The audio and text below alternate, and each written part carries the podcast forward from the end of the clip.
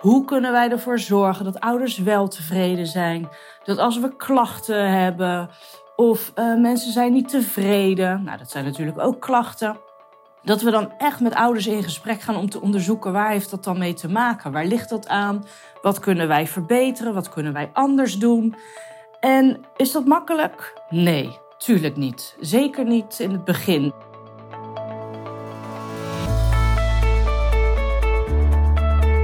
Welkom bij de podcast Jeugdzorg Next Level. Deze nieuwe podcastserie, Zekerder met Ouders, heb ik voor jou opgenomen, zodat je met nog meer zelfvertrouwen de begeleidingstrajecten kunt uitvoeren. Samenwerken met ouders is enorm belangrijk en voor veel jeugdprofessionals een uitdaging. Met deze podcast ontvang jij tips, inzichten en ervaringsverhalen om je werk meer diepgang te geven. Veel luisterplezier!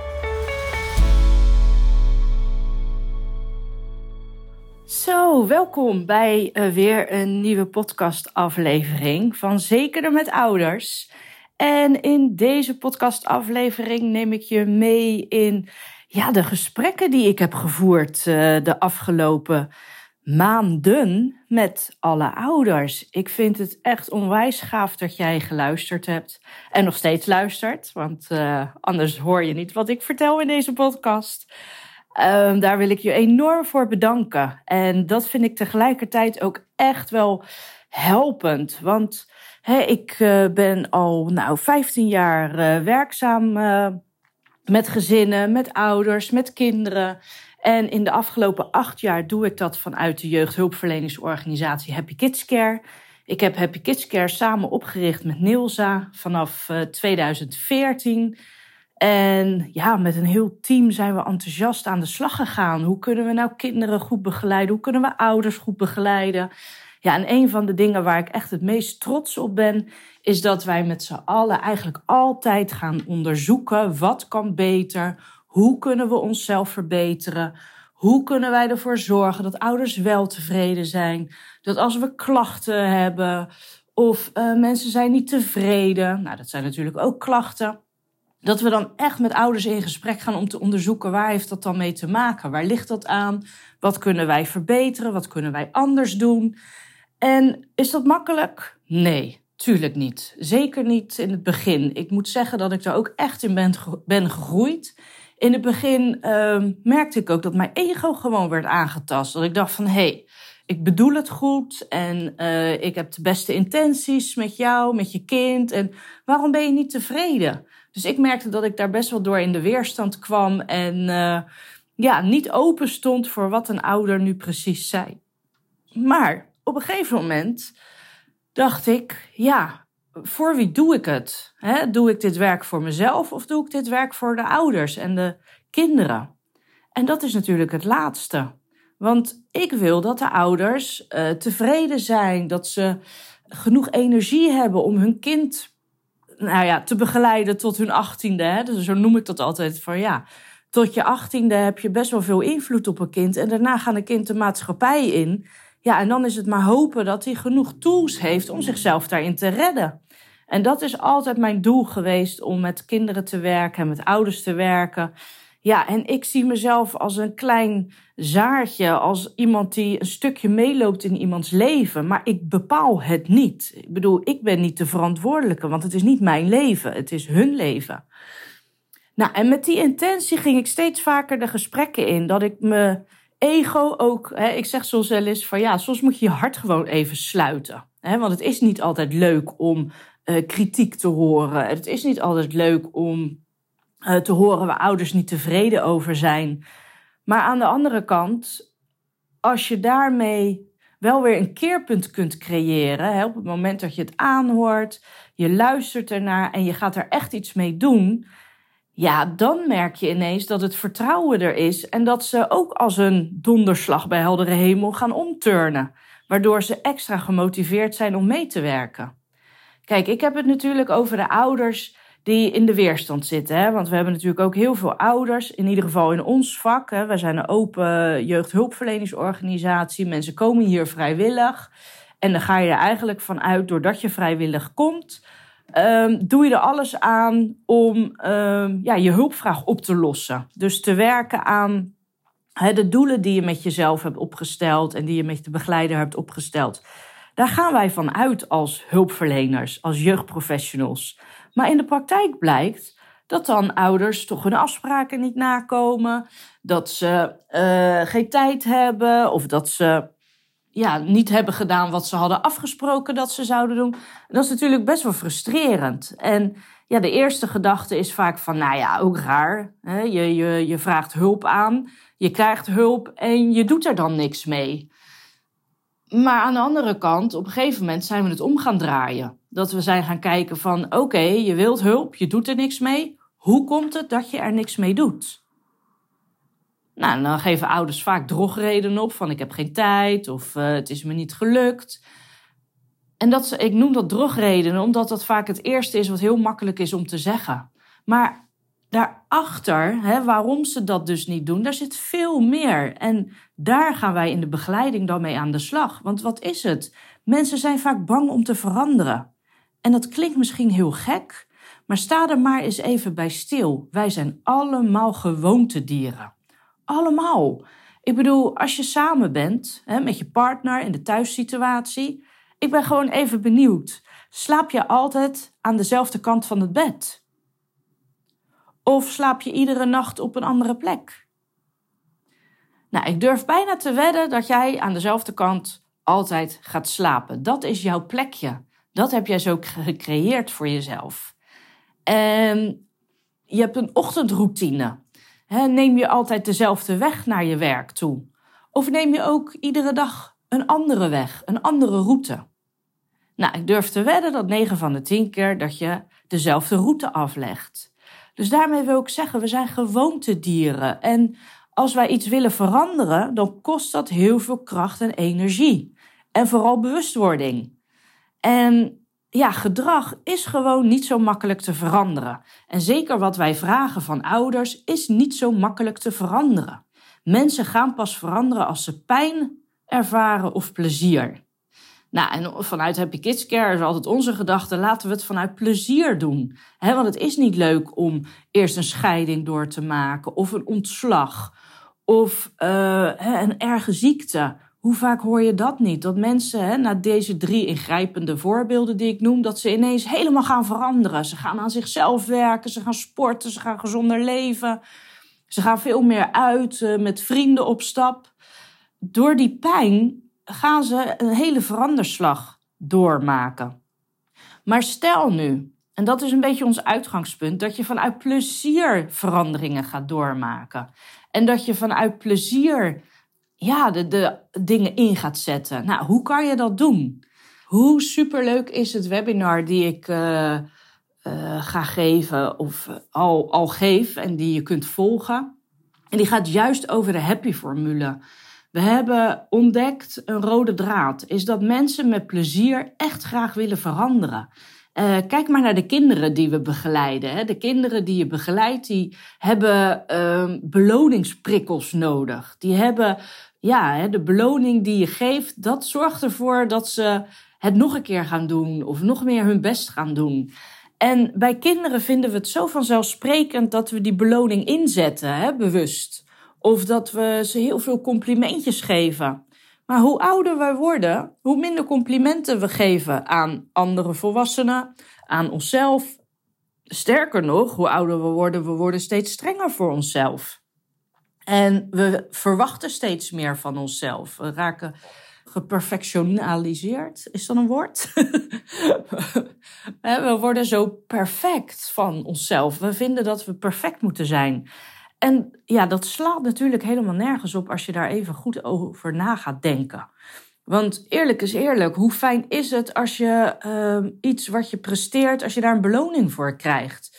En die beloning die hoeft niet altijd in geld te zijn, maar ook in voldoening. Of in een complimentje.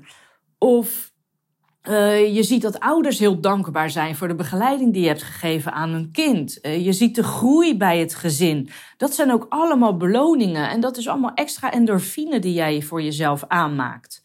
Dus ook in de begeleiding met ouders is het enorm belangrijk dat je heel veel complimentjes gaat geven. Dat je ze een beloning geeft voor hè, de, de uh, inspanning die ze geleverd hebben om iets anders te gaan doen.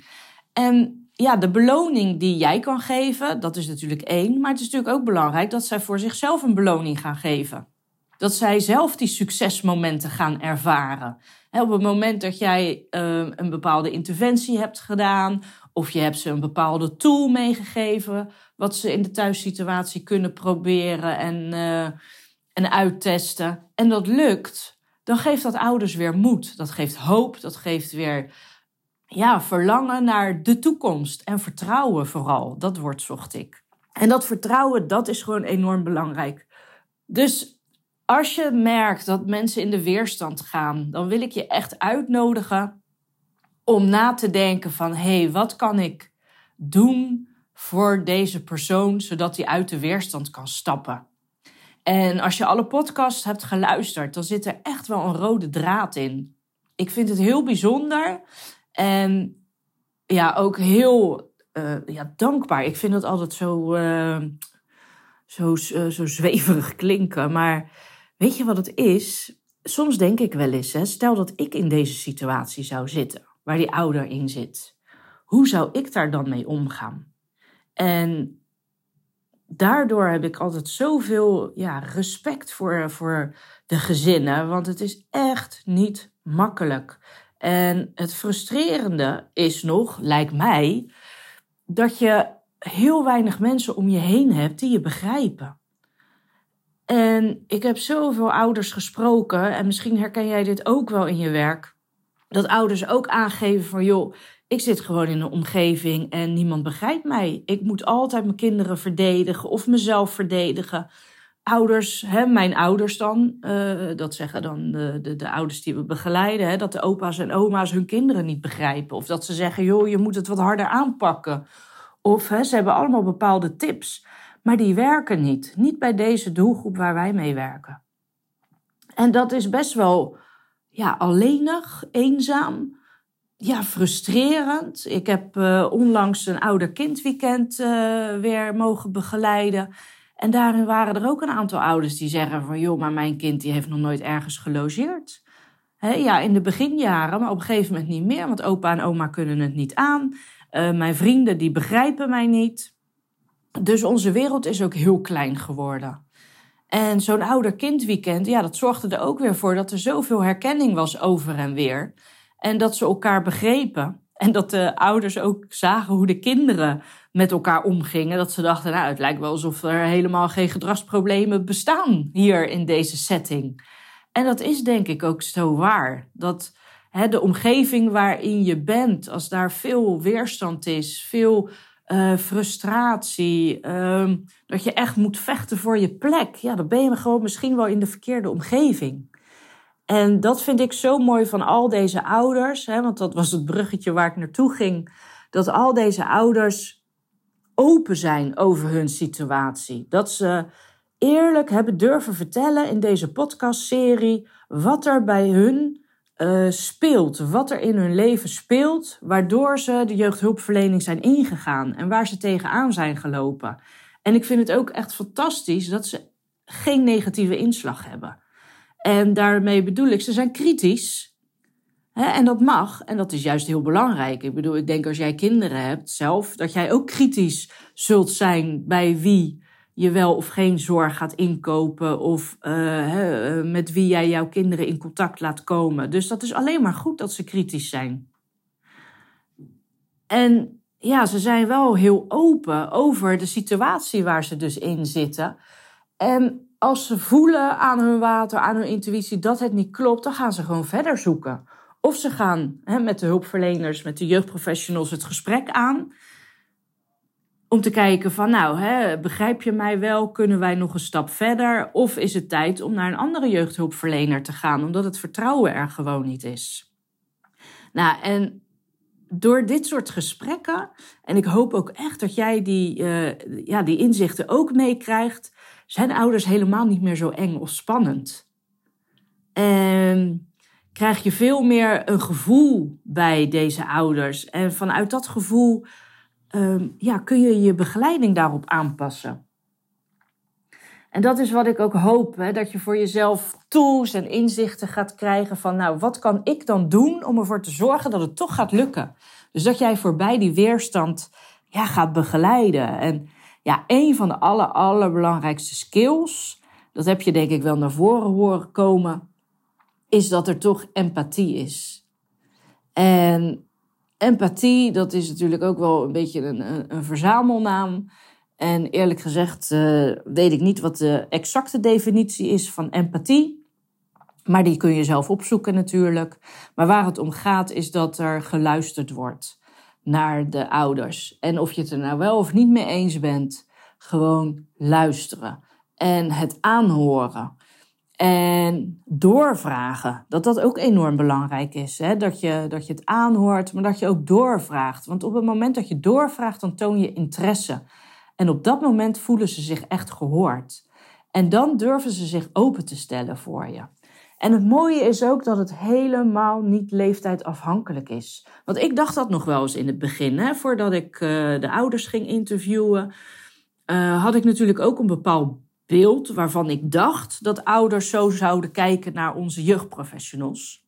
En dat blijkt dus helemaal niet zo te zijn. Het maakt helemaal niet uit hoe oud uh, je bent. Het maakt ook niet uit of je wel of geen kinderen hebt. Het gaat erom dat je uh, betrokken bent, dat ze zich gesteund voelen, dat er naar ze geluisterd wordt. En dat kun je dus allemaal met een aantal tools kun je dat doen. En ja, wij zijn niet voor niks hulpverleners geworden. Wij willen graag hulp bieden. We willen graag hulp verlenen. Maar daarmee gaan we soms nog wel eens voorbij aan de echte behoeften van een ouder.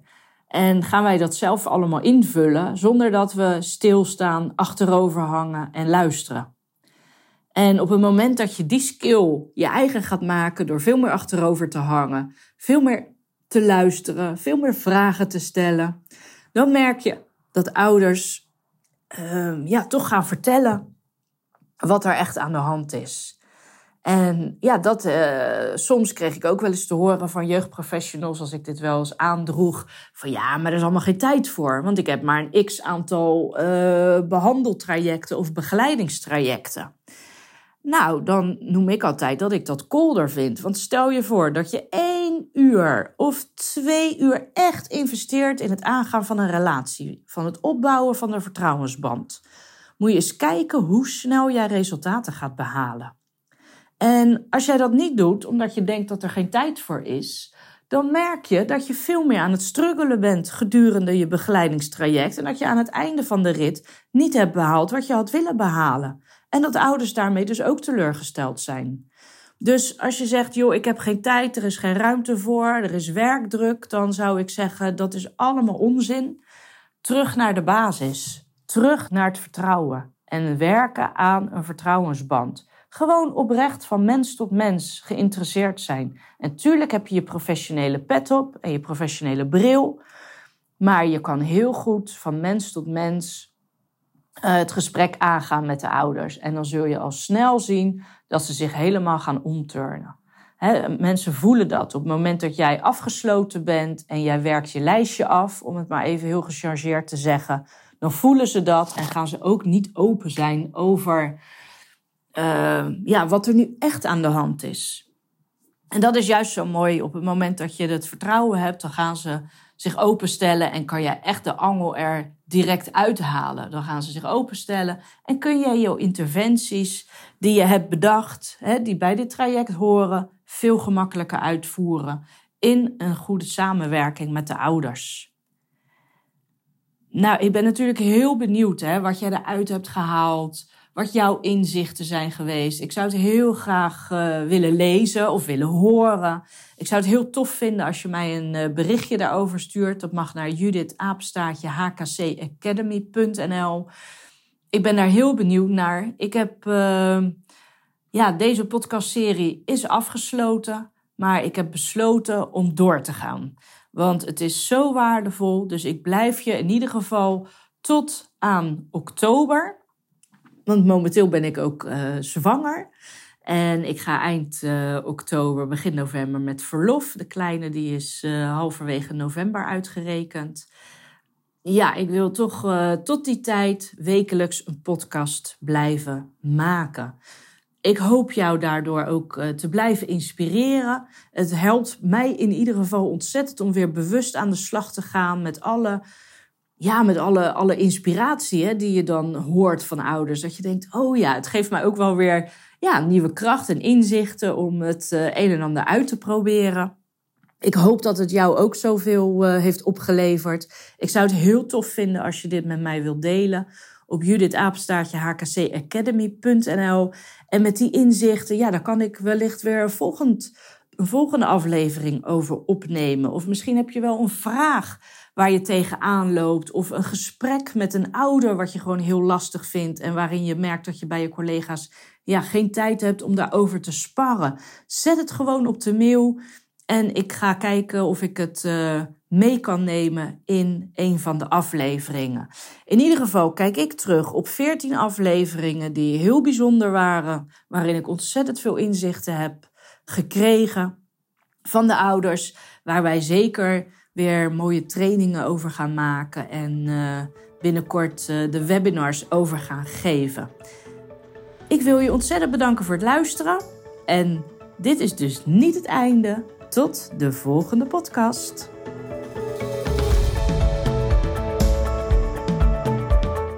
Dit is alweer het einde van deze podcast. Ben jij geïnspireerd geraakt en wil je ook groeien naar jouw next level? Kijk dan eens op de website www.hkcacademy.nl voor meer informatie over trainingen, events en de laatste nieuwtjes. Je kunt mij ook volgen via de socials het HKC Academy voor leuke tips en ideeën, zodat jij je klanten naar de next level kunt begeleiden. Ik zie je snel bij een training, event of via de socials.